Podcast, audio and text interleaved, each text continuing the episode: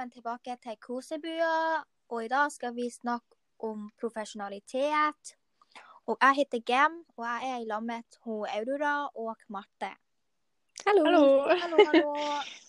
Ja, um, hva, hva er den viktigste når jeg sier profesjonalitet? Hva tenker dere med den ord? Sånn, det er jo et ganske, ganske stort tema, så det er vanskelig å plukke Mm. ett ord. Ja. Sånn, jeg kan jo plukke um, selvkontroll, men jeg kan også ta kunnskap. Og det er så store ting å snakke om at det er liksom vanskelig. ja, man kan liksom også velge sånn sosial kompetanse, som er sånn, Mm. bare sånn alle de viktige hovedpunktene som liksom empatisk, samarbeidsferdigheter, selvhevdelse, ansvarlighet, selvkontroll Mm. og alt sånt der, liksom. Så det er jo et gedigent ord. Ja. Ja. Så for meg, jeg syns at det er ansvarlig er så viktig, er det ikke? Å være profesjonalitet, eller som profesjonell. Og at Mm. du liksom kan ta ansvar for de andre og dine tanker og sånt. Ja, fordi at sånn, som barne- og ungdomsarbeider så har jo liksom foreldrene til barna og sånn arbeidsgiveren og andre kollegaer som har jo ekstreme forventninger til deg som profesjonell. Ja. Så Så det blir et lite sånn press. Ja, du må liksom leve opp til det. Mm, du må liksom leve opp til forventningene deres. Ja, og du må liksom altså, Du må vite de, som er, de tingene som er liksom nødvendige, som sånn mat og drikke, selvfølgelig. Men sånn, du må også liksom vite det som er såkalt lengre ned på lista. Som liksom bare vis kjærlighet, vis empati, vis kunnskap. Altså bare vise at du er der for barna, da. ja. Mm. Hva med den eh, selvhevdelse, da?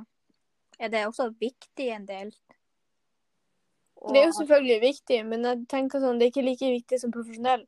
Det er mer viktig for kanskje ungene. Men er ikke det en sammenheng mellom samarbeid og ta ansvarlig?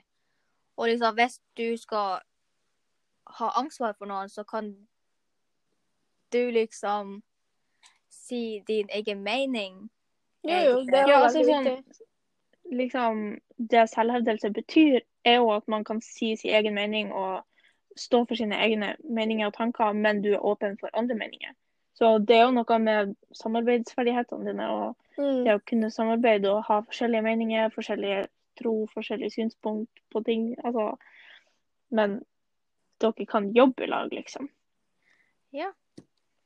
Og det føler jeg også da liksom, det dekker veldig mye av det å være profesjonalitet. Profesjonell, mener jeg. Siden du må jo kunne samarbeide, men også ta, takle eh, kritikk. Ja. Som, Konstruktiv, konstruktiv kritikk. ja. Ja, men eh, hvordan er det når dere jobber jo med barn og unge? Hva med det å gjøre? Eller er det også viktig om profesjonelt? Ja, det er jo ekstremt viktig. Du har jo Altså, du må jo være profesjonell for å jobbe. Uansett hvilken jobb du har, egentlig. ja. Sånn, det å være dyktig i yrket sitt, det, det er liksom definasjonen på å være profesjonell. og da må du jo liksom ha alle de kunnskapene og kompetansene og alt det der du lærer på skolen. Um, Du må liksom ha de holdningene og verdiene.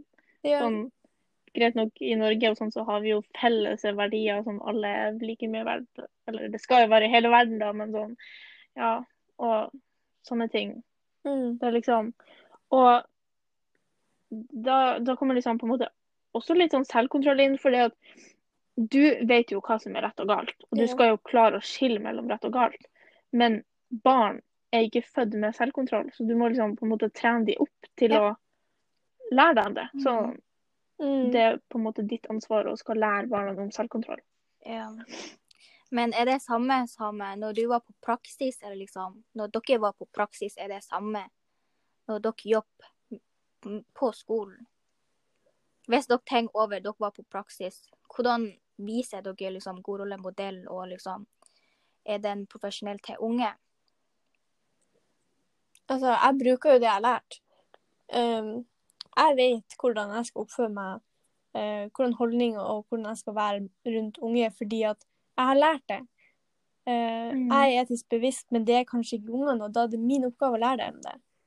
Fordi at jeg føler i hvert fall at unger er som blanke ark, og det er vår jobb å tenke på dem og fylle dem. Um, og det er så åpent område at det er veldig viktig for deg å på en måte ta inn de viktige tingene, sånn som å vise unger om selvkontroll og omsorg og god kommunikasjon og Ja. alt. Altså sånn, Når jeg har vært i praksis, så er jeg liksom veldig opptatt av det å skulle være en god rollemodell. Ha litt sånn humor. Ja. Jeg prøver i hvert fall å prøve å få inn litt sånn humor og litt sånn Det var f.eks. noen unger hadde litt sånn inside jokes med. Sånn, det var liksom, Vi hadde en sånn greie, og det var liksom var litt sånn morsomt. Så liksom, jeg vil si at det er ganske viktig, det òg. At det eh, bygger også på tilliten mellom deg og barnet, da. Mm. Mm. Ja. Og det er veldig viktig at ungene har, føler trygghet, og at de liksom Mm. har mulighet til å snakke med deg. Eh, Ja. Og spesielt nå når du har taushetsplikt, f.eks. Eh, hvor man ikke har lov å Ja. dele spesifikk informasjon om hva ungene sier til deg. og sånne ting. Og Det er også veldig fint, fordi at det skaper trygghet eh, og et sterkt bånd mellom deg og ungen. da, selvfølgelig. Og at den kan lære seg å stole på folk.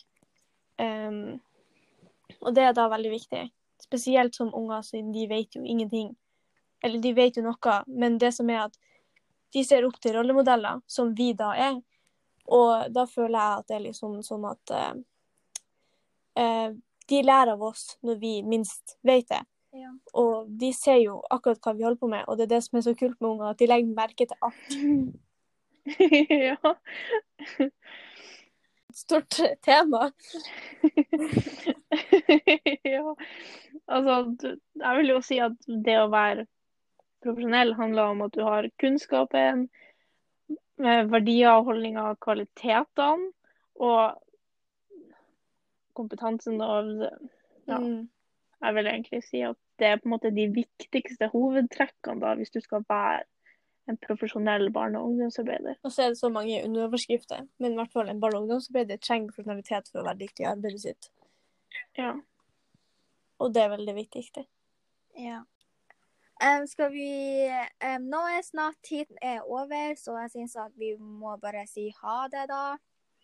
Så håper at Takk dere for at jeg fikk være her Ja, i dag. takk for at vi fikk lov å være med.